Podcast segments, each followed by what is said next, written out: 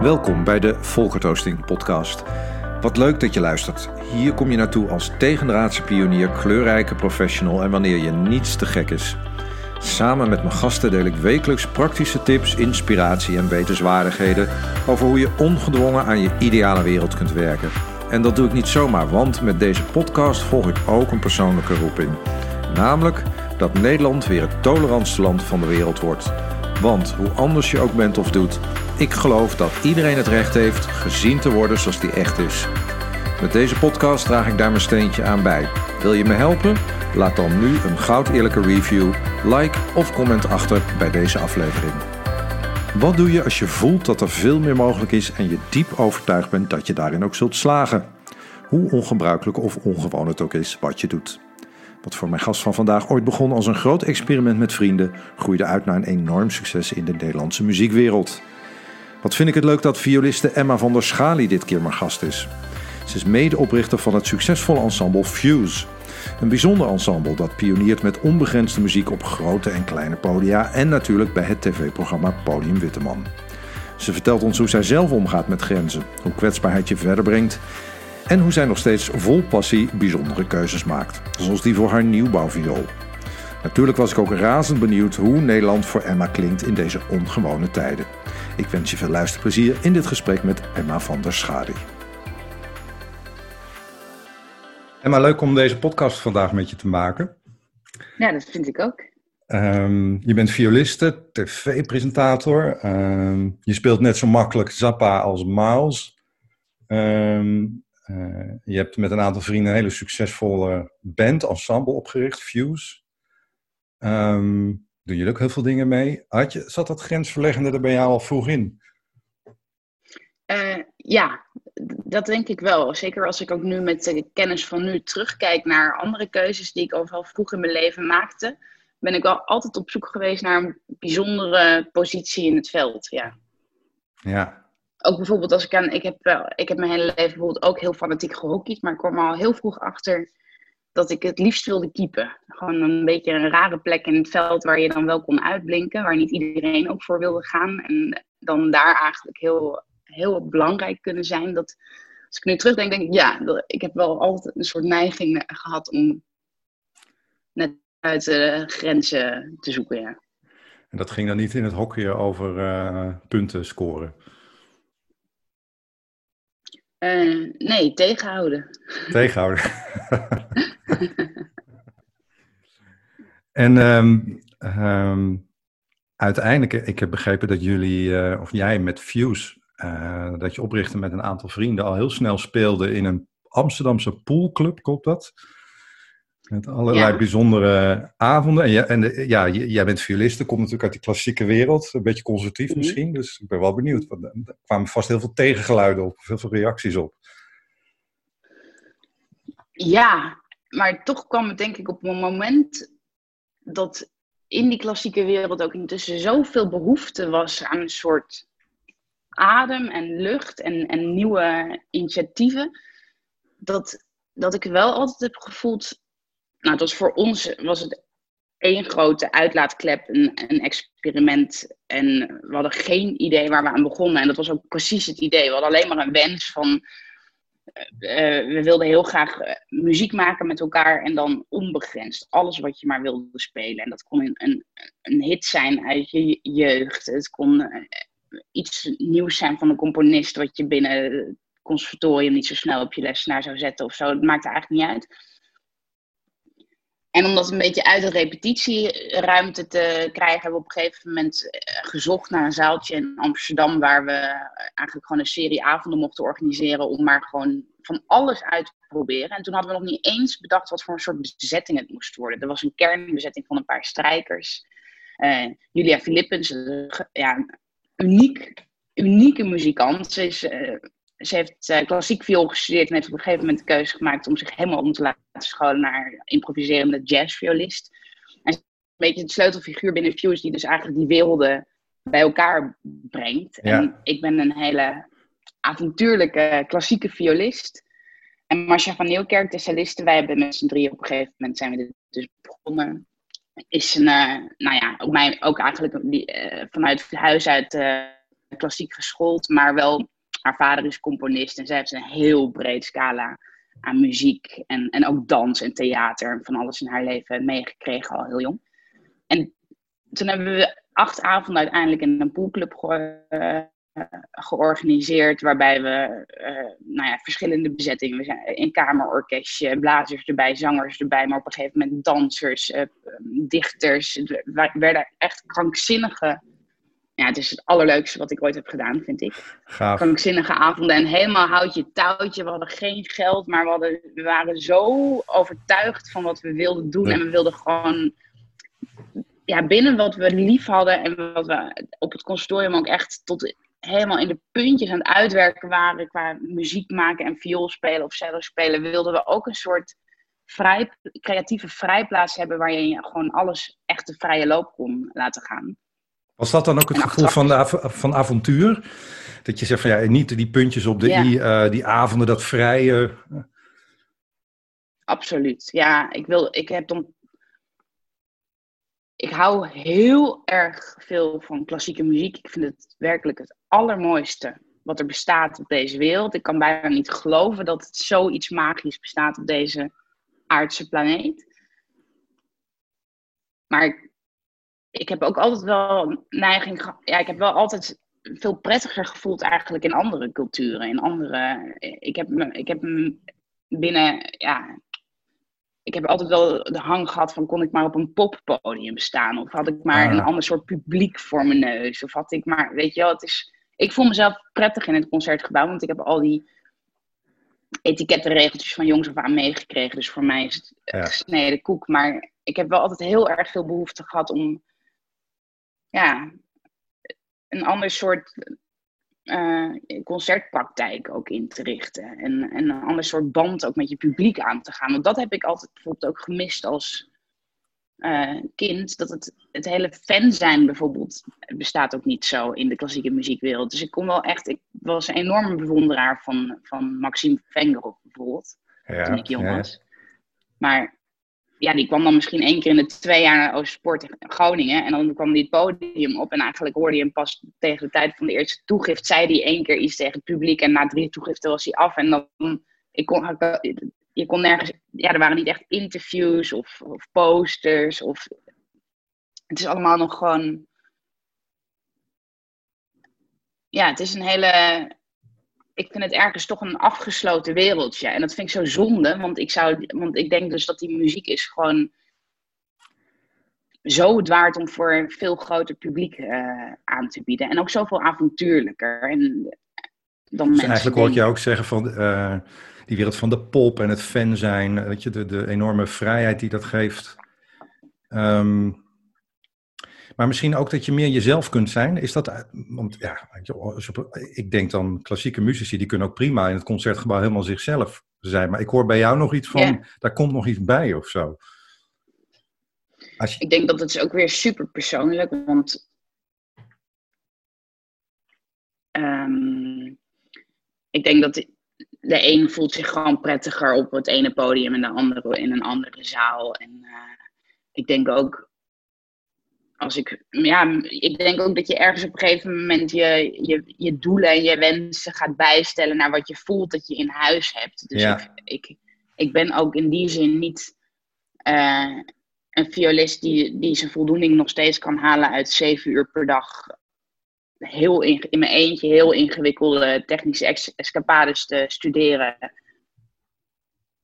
Dat, daar heb ik meer moeite mee dan hele super veel inspirerende repetities met een club waarmee je steeds hechter en nauwer samen gaat spelen. En, en, en ik, ben, ik ben gewoon in die zin wel echt een teamspeler.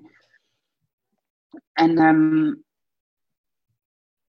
dus je komt ook dichter bij het publiek misschien. En muziek mag misschien ook wel ja. vermaken, of niet? Nou ja, en ik wil in ieder geval, ik wil mezelf wel heel graag ook vermaken. Ja. Ah, en um, en ik vind het wel heel prettig dat. Ja, het is toch op. Ja, ik heb, om een beetje autonoom te zijn in wat je doet, vind ik wel een. Uh, dat, uiteindelijk is dat natuurlijk allemaal vanuit een eigen soort onzekerheid. Maar dat ja. heeft mij toch een prettige basis gegeven om te voelen dat het, dat het echt wel degelijk wat toevoegt. Wat ja. ik was.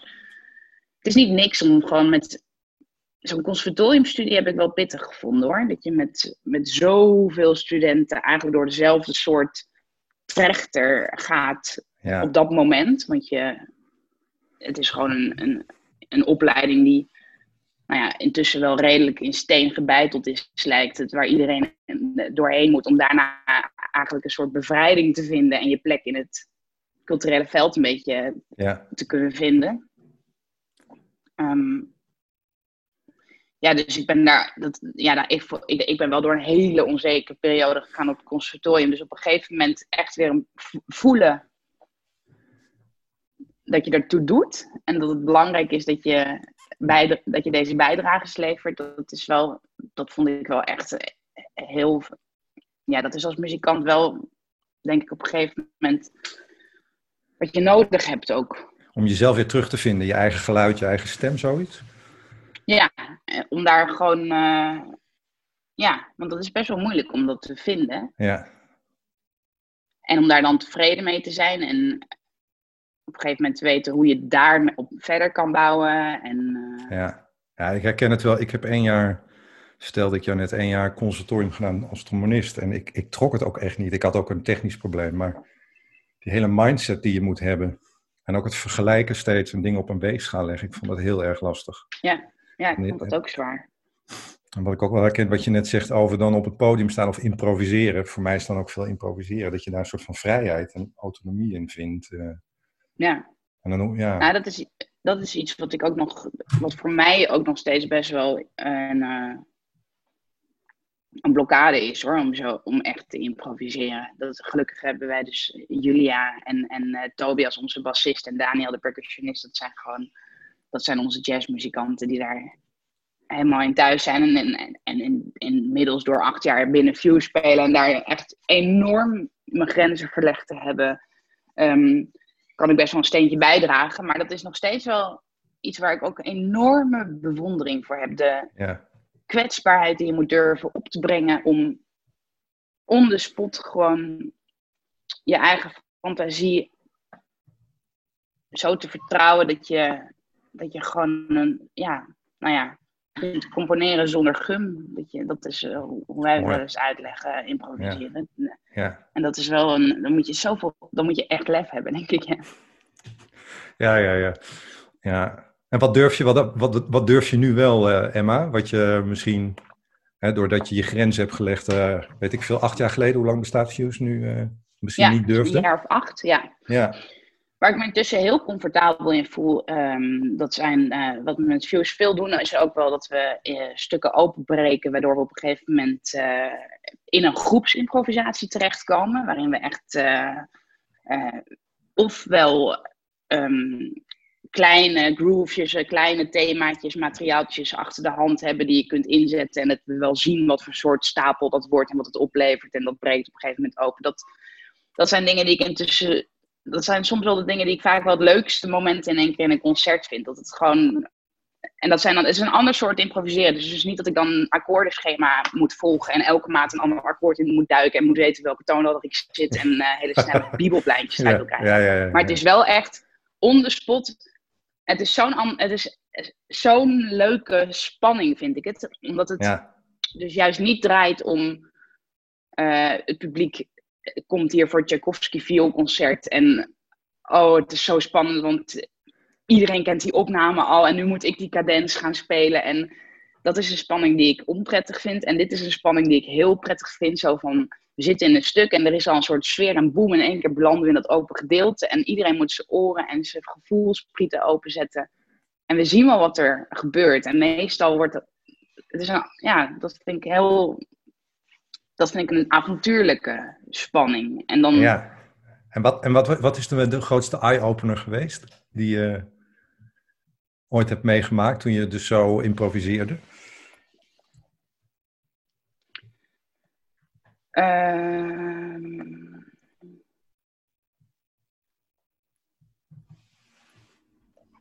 dat, nou, de grootste, dat, ja, dat is altijd een moeilijke vraag, maar dingen, Of een eye-opener, ja. Ja, precies.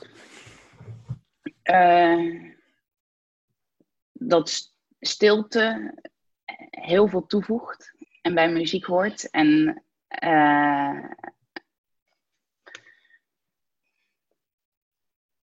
ja, dat is, dat is eigenlijk wel een belangrijke. Want het is namelijk, dat is ook.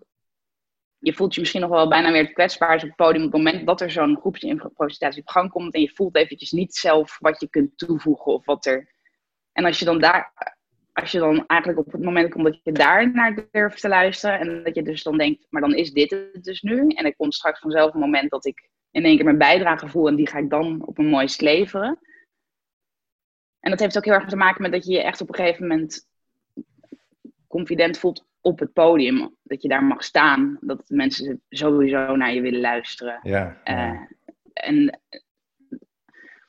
ik herken van vroeger veel meer nog dat toen ik daar voor het eerst in beland, dat je dan zo bezig bent met, oh, nu, nu ben ik aan het improviseren, wat moet ik doen? Uh, Oké, en dan, uh, ik, ik moet iets toevoegen. En het is sowieso allemaal, uiteindelijk draait het allemaal om, om rust in je hoofd en, en het echt leuk vinden wat je aan het doen bent. Dat plezier, dat moet je zo hebben. Anders, anders uiteindelijk, anders draaien, loop je vast. Zie je, dat, zie je dan ook verschillen tussen het klassieke publiek, zeg maar, dat in het concertgebouw komt en wat je, aan jullie eigen publiek dat je nu hebt opgebouwd? Als, hoe ze reageren of wat er aan energie uh, in de zaal hangt? Nou, wat ik dus heel leuk vind om te merken is dat um, dat ik het gevoel heb dat dat publiek wat dus graag naar klassieke concerten gaat, die vinden ook heel leuk. Er is bijna toch niemand die echt alleen maar van klassieke muziek houdt en verder niks. En het ook, bijna iedereen staat wel open voor andere dingen. En, en dus ook de mensen die gewoon regelmatig in het concertgebouw zitten, die vinden het superleuk dat het bij ons allemaal iets vrijer en losser is. En wel de muziek die ze krijgen is allemaal van, kwalitatief van hele hoge standaard. Ja. Maar het is, het is wel een andere band inderdaad die we in zo'n concert ook aangaan met het publiek. Ook omdat we het op die manier gewoon, dat is hoe wij ook onze boodschap overbrengen. Ja.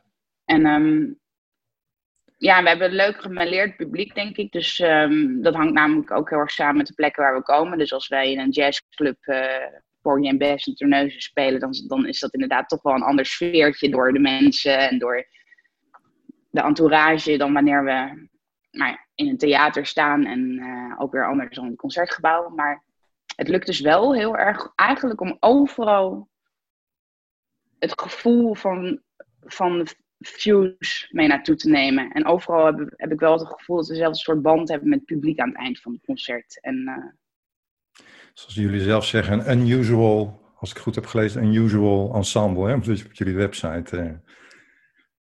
Uh, ja. Um, ja, ik ben, ik ben wel benieuwd. Het moeilijkste is omschrijven wat je bent. Stom is dat, hè? Maar het voelt ook een beetje als. Ja, alsof je dan voor je gevoel een, een nieuwe kleur ziet en je moet omschrijven hoe die kleur eruit Dat is dan heel lastig. Dan kun je, het is soms bijna makkelijker om aan te geven wat je allemaal niet bent. Bent. ik heb dat ook met mijn podcast nu. Dat ik, ik oké, ik moet daar een naam aan geven of zo. Dus ik ben nu, weet je, de, de woorden die nu bij mij in mijn hoofd zitten, is tegendraads pionieren. Ik ben een, het gaat over tegendraads pionieren, maar is, ik herken die zoektocht van wat, wat, wat is het dan? Maar het gaat ook over succes in jullie geval. Hè? En ik ben, ik ben ook wel, ik ben wel benieuwd, want kijk, succes kan je overkomen, maar het kan ook vanuit een diepe drive komen dat je het intuïtief, voordat je überhaupt bent begonnen, al aanvoelt uh, uh, van, hè, dat er iets gaat Mhm. gebeuren, maar je weet nog niet precies hoe. Mhm. Hoe is dat voor jou of voor jullie geweest? Uh, overkwam het jullie of zijn jullie echt vanuit een diep weten drive begonnen destijds? Um, ik denk dat we zeker vanuit een diepe, vanuit een drive en een zeer diepe overtuiging dat, um, dat het zou gaan kunnen slagen zijn begonnen. Zonder dat we precies wisten nog hoe dat slagen eruit zou zien. Maar we wisten wel met deze drive en beginnen en stappen zetten, gaat dit ergens toe leiden. En um, als je dan hard, hard werkt, dan op een gegeven moment overkomen je ook dingen waar je gewoon achteraf van denkt dat zijn grote gelukjes geweest. En Nou ja, dan is het de samenloop van omstandigheden. Maar zonder. Maar ik heb dus wel, als ik nu ook terugdenk aan de beginperiode van Fuse. Ik heb wel, ja, we hebben echt wel met een, met een kerngroepje altijd echt de overtuiging gehad dat, dat het iets ging opleveren. En dat we ik heb altijd gedacht, het moet kunnen. Je moet,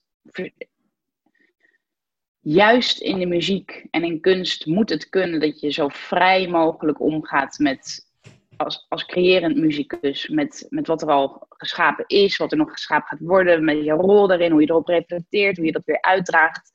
Het is namelijk ook nooit kritiek op. Het is van ons ook nooit, het is geen kritiek op het traditionele, klassieke veld.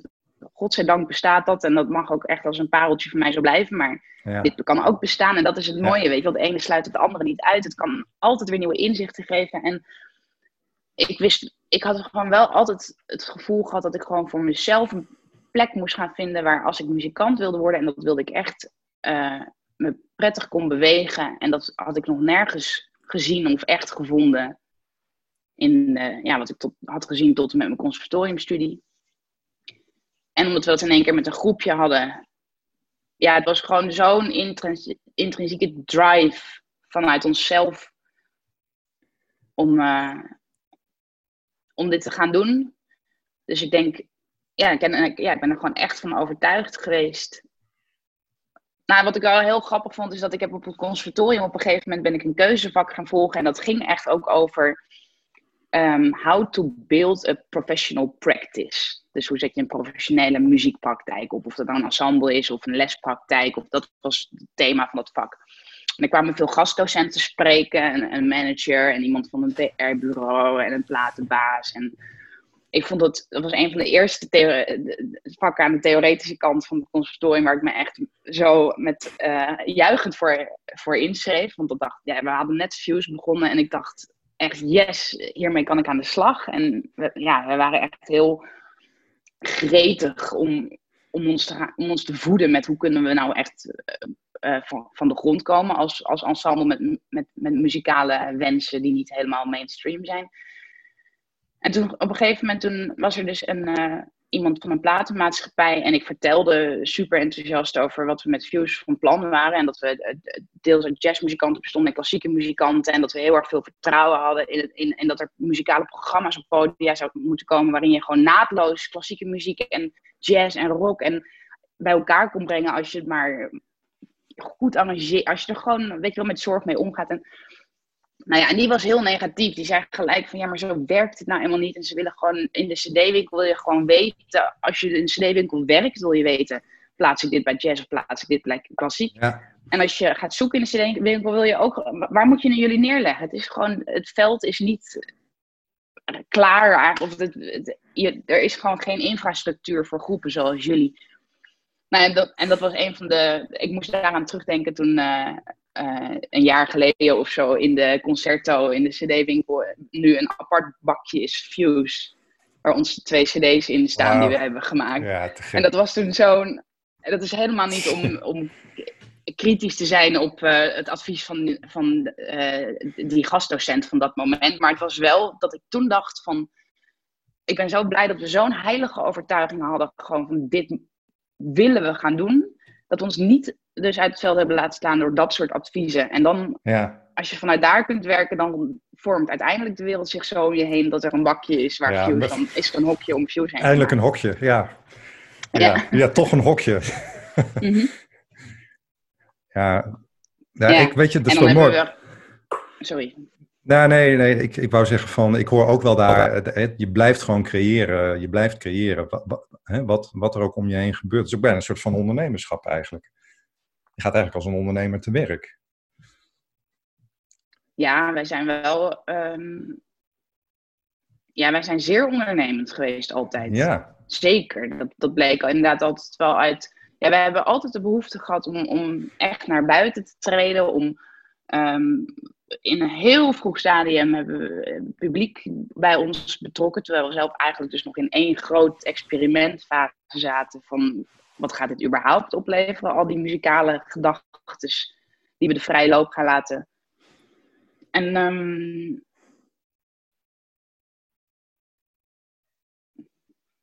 ja.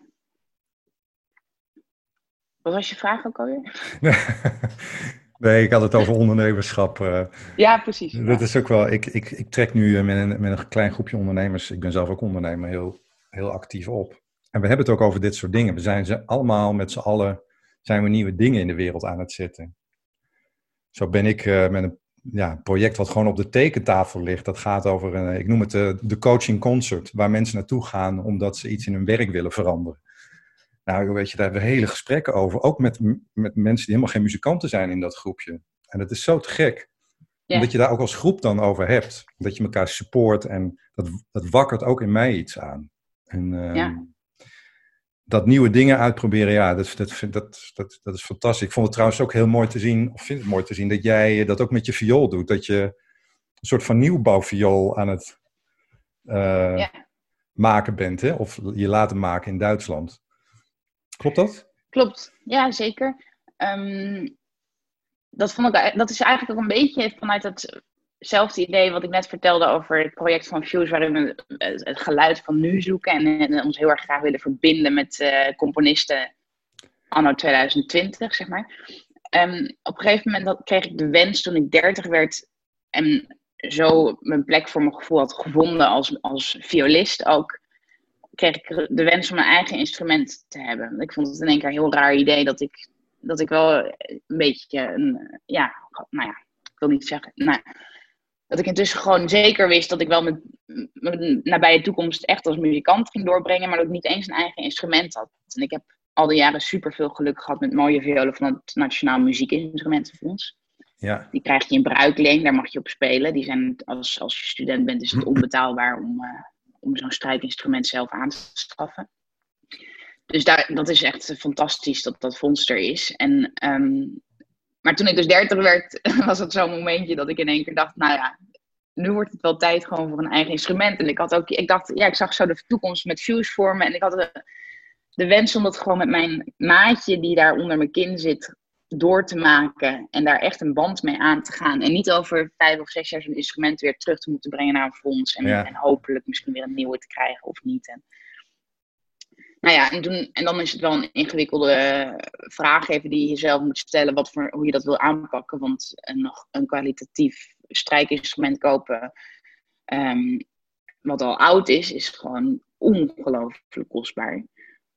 En daarbij dacht ik, is het ook gewoon zo, dat, dat blijkt ook wel, dat de vioolbouwkunst ook in een ontzettende uh, piek eigenlijk weer zit tegenwoordig. En uh, uit heel veel klanktests blijkt ook wel dat, dat, dat goede bouwers van nu uh, instrumenten maken die echt niet nauwelijks zijn te onderscheiden van grote Italiaanse meesters.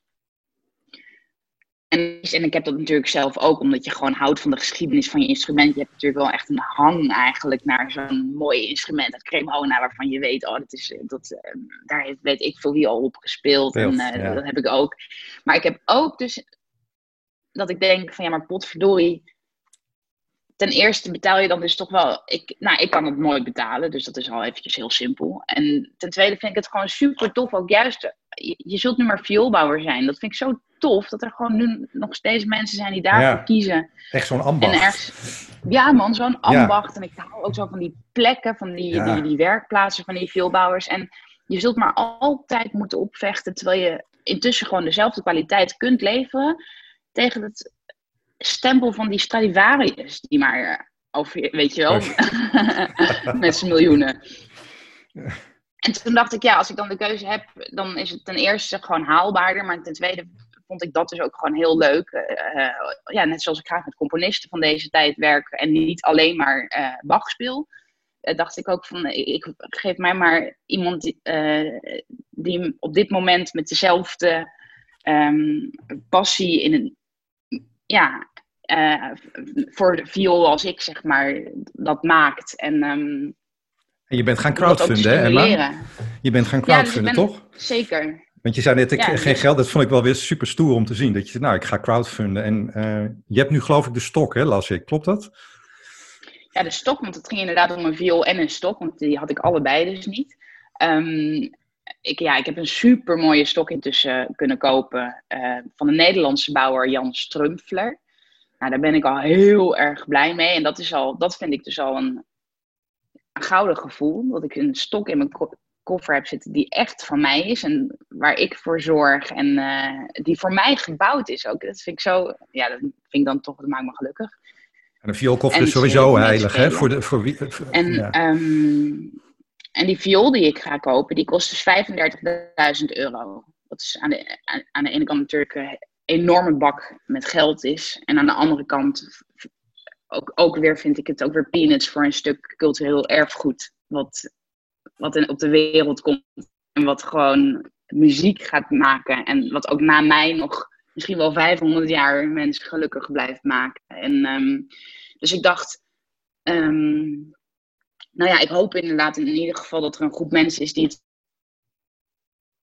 die dat leuk vindt. Daar gewoon, die een beetje van dat idee genieten. Van, er is een vioolbouwer met een gigantisch talent die daaraan sleutelt. Er is een violist die, die iets, iets brengt, weet je wel, uh, aan, naar het publiek. Uh, als je daarvan geniet. Uh, ik vind het leuk om, om te weten dat er een stukje cultureel erfgoed wordt gebouwd. Ik draag daar graag aan bij.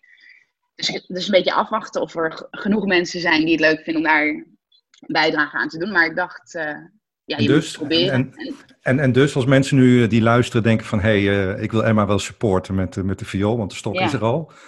Waar gaan ze dan naartoe? Nou, dat is een website. Het is gewoon emmavanderschalie.nl, mijn, mijn naam. Ja. Uh, daar is al wat meer informatie te vinden. Het is in principe gewoon heel simpel. Ik heb een bankrekeningnummer speciaal voor deze actie geopend. En daar kun je iets op storten. En uiteindelijk, als die viool er is, eenmaal, en dat duurt nog wel, nog, nog wel eventjes. En dat moet dan ook eventjes ingespeeld worden. En maar dan, dan organiseer ik een presentatieconcert waar ik in ieder geval alle mensen die een bijdrage hebben gedaan nog graag voor uitnodig. En um, Gek. dan wel in een zaal, dan wel via uh, een stream. We moeten eventjes zien hoe, hoe het hele uh, culturele leven zich gaat ontwikkelen de komende tijd. Maar um, ja, ik betrek ze graag ook via, gewoon, het leek me ook wel leuk om een klein beetje te betrekken bij hoe dat nou eigenlijk gaat, zo'n stok en zo'n viool bouwen. Dus via mijn website ga ik het een beetje laten zien. En uh, nou, ik ben ongeveer uh, halverwege het bedrag wat ik nodig Dus mensen, als je Emma wil helpen, uh, dan weet je het bij deze. Ja, Emma van emmavanderschalie.nl. Het is geen reclame hoor, stiekem wel. Maar um, Um, je zei net ook nog even iets over het culturele leven, hè? want dat is natuurlijk toch ook wel, we ontkomen er eigenlijk niet aan in, in, in dit gesprek, want we nemen toch nog op uh, in, in coronatijd. Um, er is natuurlijk, natuurlijk nu grote onzekerheid en, uh, uh, en er speelt natuurlijk ook van alles nog rond racisme. Het is super onrustig overal. Hoe, hoe, hoe is dat voor jou? Hoe is dat voor jullie als, als muzikus? Ik zie dat jullie nu weer uh, op korte termijn eh, twee concerten geven in het concertgebouw, als ik het goed heb. Ja. Nou, um, ik ben dus. Uh, ja, ik vind dus dat we gezegend zijn dat we views hebben. Ik, heb, ik, ik moet zeggen dat ik echt al veel collega's om me heen zie die het stuk zwaarder hebben dan wat ik heb. Die ook weet je wel, ZZP'ers, remplaçanten in orkesten die je gewoon komende jaar niet meer hoeven te rekenen op werk. Die kinderen hebben die thuisonderwijs moesten geven, terwijl ik gewoon lekker door kon uh, studeren. Die, uh, dus ik ben, voor ons is het gewoon een zegen dat we onze groep hebben die intussen ook wel redelijk gevestigd is. Dat je niet zomaar, dat je niet, we hebben niet echt angsten gehad van, uh, is dit het einde van, van onze groep? Ja. Waar ik dankbaar voor ben. En um, ja, daarbij kwam het dus ook op, in die zin op een interessant moment, omdat we dus met, uh, met twaalf componisten aan het werk zijn om het uh, geluid van, van 2020 eigenlijk vast te leggen voor Fuse. En dat kreeg een hele diepe lading nog weer erbij, doordat we in één keer met z'n allen in eenzelfde soort ja, bubbel zaten. En um, en we gaan dus inderdaad, ja, het is, het is wel eventjes omschakelen. Want je werkt natuurlijk heel erg lang er naartoe om voor je gevoel zoveel mogelijk mensen te bereiken. En op een gegeven moment kom je op een punt dat je, nou ja, dat is altijd iets waar je ook best wel mee bezig bent. Een nieuw publiek trekken en, en andere mensen naar de zaal en meer mensen. En in één keer, boem, komt er een hele omschakeling naar. Maar dat is gewoon totaal niet meer van belang de komende tijd. En ik heb dat ook wel eventjes een beetje zuur gevonden. Dat ik dacht, hè, we, hebben net, we hadden voor volgend jaar een tour staan van 60 shows. eh, in overal zalen van denk ja, 200, 300 man of zo. En dan rij je ook het hele land vooraf. En dan, ik moest wel even omschakelen naar de dacht van, heb ik daar nog net zoveel, zoveel zin in als ik, in, als ik naar uh, Sittard moet rijden voor 60 man straks. Uh, op anderhalve meter. En uh, ja. dus um, nou ja, dat soort vragen denk ik dat alle actieve kunstenaars, uh, podiumkunstenaars zich wel afvragen. En toch vind ik het ook wel heel interessant. Want ten eerste um, vind ik het, uh, het normaal wat er was hele, helemaal niet zo normaal. Met gewoon, jeetje man, zo druk als deze wereld is en de levens die iedereen leidt. En want je, je kunt ook niet meer achterblijven als je, als je nog mee wilt doen. En ja, ik vond het ook wel, voor mij was het wel een eye-opener deze periode. Dat heb ik ook wel veel om me heen gehoord. Dus ik vind het ook wel heel interessant. Ik vind het dus in die zin alleen al wel interessant van goh, het is wel man om even niet over na te denken van hoe bereik je zoveel mogelijk mensen het komende jaar. Want het, het kan niet eens. Je kunt, en uh, nee. op andere manieren moet het weer. En, ik, en het, ja, het is een wereld in beweging. En, en gelukkig, en ja, als kunstenaar sta je daar op een of andere manier middenin, voor je gevoel. En ben ik blij dat ik dat met, met, uh, met de houvast van Fuse kan doen. En uh, voelt het ook wel, vind het toch ook wel echt heel interessant wat het allemaal, wat er op dit moment allemaal aan het gebeuren is. En nou, nou vertelde je net en over... zinvol. En zinvol, ja. En, en je vertelde net over het project, de, de compositie, over het, het, anno nu geluid. Kan dan deze, uh, ja, deze, hoe zeg je dat? Deze toestand, wou ik bijna zeggen, waar we in zitten, ook je creatief inspireren en voeden. Bijvoorbeeld wat er nu gebeurt met racisme. Volgens mij doen jullie, hebben jullie in het verleden rond de Amerikaanse verkiezingen als Fuse ook wel eens iets gedaan. Doe je, in hoeverre doe je daar dan uh, in zo'n project iets mee? Um, nou, wij doen in die zin niks met racisme, maar wij zijn wel een uh, nieuwe wij zijn wel een jonge generatie bewuste makers. En dat ga je zien in bijvoorbeeld de samenstelling van die twaalf componisten die we hebben uitgekozen. En dat Ah, ja. is alleen al omdat we, een- omdat we daar zelf het gewoon met een open vizier in willen gaan. En ook, interesse- en ook het is dus voor ons in die zin nooit zo geweest dat we bijvoorbeeld dachten van ehm, het is eh, eh, weet je wel, we kunnen niet twaalf witte componisten gaan vragen. Maar ik denk dus ook als je, zoals wij, eh, van onze leeftijd bent en in onze wereld bent groot geworden en eh, je openstelt, dan, dan wil je er ook niet aan ontkomen dat je een heel mooi gemêleerd palet aan klanken en, en kleuren eh, opzoekt. Om een soort tijds- en wereldbeeld te schetsen. Ja, Dus in die zin ehm, kun je dan, zonder dat je het bewust doet, wel een stempel daarop drukken. ja. Zonder dat je het Zonder bewust... dat je, Ja, nou, zonder dat je als een soort eh, linkse activist op de barricades hoeft te gaan staan. eh, Omdat je. Maar ik denk wel, het is gewoon wel heel. Ik merk het gewoon wel zelf in mijn gesprekken met, met, met oudere mensen. Dat het gewoon ehm, uiteindelijk. Dat het anders is als je. Ja, die hebben toch nog iets meer van. Maar wa- waarom mag ik dit en dat niet meer zeggen? Ik bedoel het toch niet verkeerd? Of eh, het is een Ja. ander soort bewustzijn. ja, Dingen die voor mij al volstrekt vanzelfsprekend zijn en dus ook in zo'n project doorcijpelen. Die kunnen voor anderen denk ik nog wel weer eye-openers zijn. Of in ieder geval eh, ja. iets, ja. Bijzonder, want ik sta er zelf ook... ehm, ik sta er zelf ook wel eens bij stil. Op een andere manier... ehm, ik, ik wil met alles wat ik doe qua werk... een beetje bijdragen aan een wat toleranter Nederland. En vorig jaar, toen dit allemaal nog niet zo er- erg was geëxplodeerd... Toen, waarom wil je dat? Ik zei nou... Ik vind dat Nederland een heel intolerant gezicht ook heeft. Ja. Ja, we denken dat het allemaal zo netjes uh, georganiseerd is en gepolterd en zo. Maar ondertussen, en onze internationale, hoe zeg je dat? Reputatie zou ik bijna zeggen, die heeft ook een tolerant land. Maar het valt allemaal reuze ja, tegen of mee. Mm toen heb ik ook wel gesprekken gehad met mensen van, ja, die vinden, waarom wil je dat dan? Toen vond, vond, vond ik het ook wel een bijzonder uh, dat ik bij mezelf dacht, ja, maar dit is voor mij zo vanzelfsprekend om dit te doen. Um, En in die zin vind ik ook wel mooi dat jullie daar dus op die manier een soort van lans voor breken. Om iedereen vanuit dat onbewuste, zeg maar, van je dat niet bewust zijn, die generatie waar, waar, waar je het over hebt. Over welke generatie heb je het dan trouwens, Emma?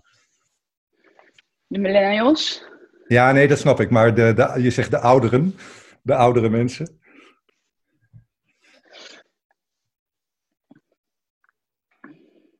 Um, nou, ik heb er altijd. Eh, ik, ik doe het nu zelf. Ik weet het.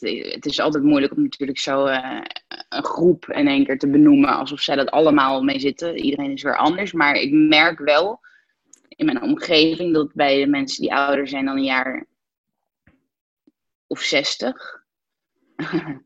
dat, daar, um, dat daar iets met het idee zit van ja, maar het is, het is toch sporadisch. Of in Nederland is het toch anders. Of is het echt, weet je wel, meer nog een beetje een soort ontkenning. Ja. En um, nou, dat merk ik, ik. Het is ook het grappige is dat um, dat is natuurlijk weer eventjes een heel ander verhaal. Want, maar het heeft in die zin een klein beetje mee te maken. Want ik heb, het ook al, ik, ik heb ook al wel zoveel denkprocessen doorgemaakt over hoe het nou is als vrouw. Omdat je natuurlijk tegen, af en toe tegen eenzelfde soort ehm, discriminatie aan kunt lopen. Of bewust wordt van dat het er is. Ehm, en ik heb bijvoorbeeld zelf ook wel eens getwijfeld. Ik ben wel eens benaderd voor een, uh, voor een talkshow. Uh, lokale talkshow ergens. Um, maar daarvoor werd ik gevraagd omdat ze dus in een soort festivalweek vijf uitzendingen maakten en één avond wilde besteden aan vrouwen in de muziek. En daarvoor werd ik dan gevraagd om oh te komen vertellen over. En dat vond ik echt een hele moeilijke aanvraag. Want ik dacht aan de ene kant past mijn verhaal dan niet op die andere vier avonden. Als je, weet je wel, waarom, moet ik, waarom is mijn verhaal pas van belang als je een soort themaavond voor vrouwen in de. En aan de andere kant denk ik, ja, je moet ook weer niet weglopen voor dat het nog steeds gewoon iets is wat aandacht uh, vraagt. Want hoe tof zou het zijn als er wat meer vrouwelijke dirigentes komen en als er wat meer, uh, als het gewoon op meer, ook zeker bij gewoon op allerlei andere functies in het uh, muzikale veld, ja. als het wat gelijkwaardiger nog zou worden en zo. Dus um, dus dat vond ik toen ook dubbel toen ik daarvoor werd gevraagd. Aan de ene kant wil je graag bijdrage leveren, aan de andere kant voel je je bijna alweer beledigd dat je denkt van, ja. weet je wel, eh, zijn die andere vier avonden dan voor de mannen? Of ja. ja. Ja, dat zijn ook alweer hokjes bijna. Ja. Maar ik ben, nou, ik ben zelf in ieder geval heel blij dat, dat, ja, dat ook mijn ogen binnen, dat, uh, binnen het gevecht tegen racisme gewoon steeds verder open gaan. En dat ik, ik merk wel dat ik het graag in me opneem, ook alle nou, verhalen van mensen, ervaringen. Ik wil wel graag zien hoe schrijnend ja. het is zonder precies te weten. Maar dat is uh, wat je er. Hoe je dat aanpakt of zo dan weer. Maar dat is denk ik wel stap één. Dat je. Ik voel wel in mezelf echt dat ik, dat ik het wil weten. En dat je dus ook goed luistert of probeert op te pikken van wat, wat speelt er nou echt. Wij hebben dus, uh, dat vond ik een mooie les die ik van Marcia heb geleerd, onze cellisten. Wij hebben een, uh, een paar jaar geleden hebben wij samengewerkt met een uh, fantastische Kora-speler uit Gambia, Lamin Koyate. En um, Marcia had hem leren kennen en zij kwam ook met het idee om dus met Fuse een stuk met hem te gaan spelen. En hij is muzikant van zo'n ander uh, uh, ja, hoe zeg je dat? Zulke zo'n ander vocabulaire en andere achtergrond dan wij. Dat het, het was eigenlijk in het begin totaal onduidelijk hoe we tot een stuk gingen komen wat we zouden kunnen uitvoeren als groep. Waarin wij een bijdrage hadden en hij. En dat we wisten hoe we dat. Die Afrikaanse muziek is gewoon totaal anders dan westerse klassieke muziek of, of jazzmuziek of zo.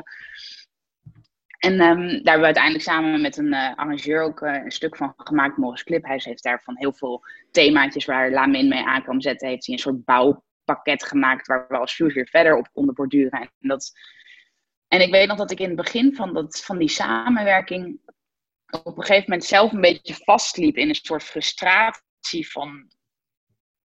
Dat de, communicatie was ook heel moeilijk, omdat hij eigenlijk nauwelijks Engels spreekt. En ik begreep muzikaal kon ik me niet, mijn ei nog niet kwijt. En ja, ik weet dat op een gegeven moment was ik een beetje gefrustreerd gewoon over, goh, gaat dit nou wel wat worden? En, uh, um, en, toen, en toen zei Masje tegen mij van,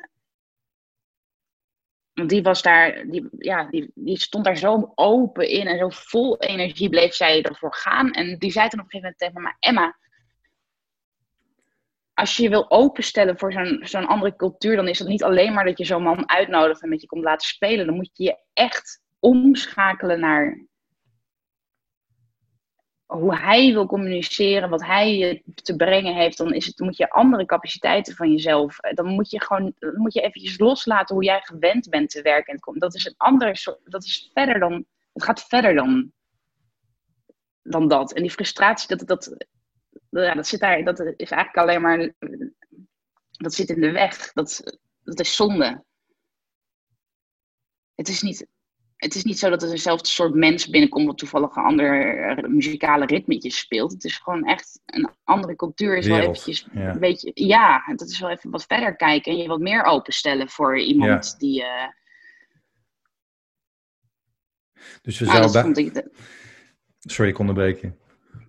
Nou, dat vond ik een hele wijze les. En dat vond ik echt heel interessant dat zij dat zo inzag. En dat, uh, en dat is wel, dat, is, dat zijn, soms heb je dat toch van die dingen zo, die verzamel je een beetje van die lesjes die mensen je leren en die je nooit meer vergeet. En die je gewoon elke keer, als het nodig is, eventjes... Uh, maar ik vind het heel mooi dat je dit deelt, want ik bedoel, of je nou racisme nu neemt bijvoorbeeld, hè, of, of, of corona, ook de anderhalve meter samenleving. Het, we zitten ook echt in een andere wereld.